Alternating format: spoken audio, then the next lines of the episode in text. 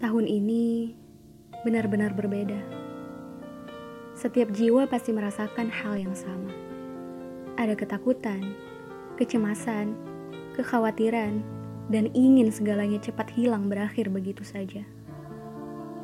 Ingin marah awalnya. Segala rencana yang telah ada, semua harus ditunda.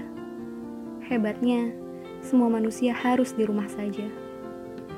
Entahlah, kali ini Allah kasih ujian dengan cara yang berbeda. Menggemparkan dunia dengan sebuah virus bernama corona. Allah ingin sadarkan manusia, dengan virus sekecil ini saja kita sudah binasa.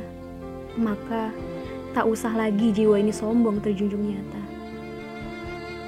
Ya Rob, per 8 April sudah 2.956 kasus dan 240 jiwa melayang. Hari ini kami tersadarkan kami benar-benar tak mampu atas pertolonganmu. Begitu lemah dan kecil di hadapanmu. Sungguh, nyawa yang hilang sudah cukup banyak. Harapku, semoga mereka kembali padamu dalam keadaan yang terbaik ya Rob. Indonesiaku, semoga engkau lekas pulih.